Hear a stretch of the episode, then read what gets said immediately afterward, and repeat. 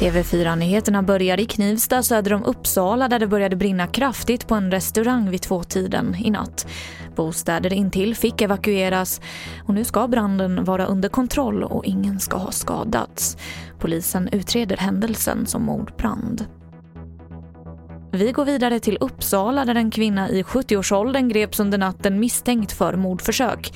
Kvinnan misstänks ha huggit en kvinna i 50-årsåldern i bröstet med kniv. Hon fördes till sjukhus men hennes skador ska inte vara livshotande.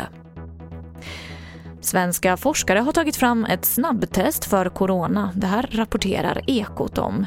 Testet kan ge svar redan inom två och en halv timme och är billigare och enklare än tidigare tester. Och till sist kan jag också berätta att nu klockan åtta så öppnar den digitala kön till högskoleprovet efter att ha varit stängd under natten. Över 50 000 personer ska ha stått i kö när den stängde.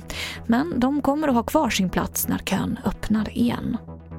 Och det var det senaste från TV4 Nyheterna. Jag heter Emily Olsson.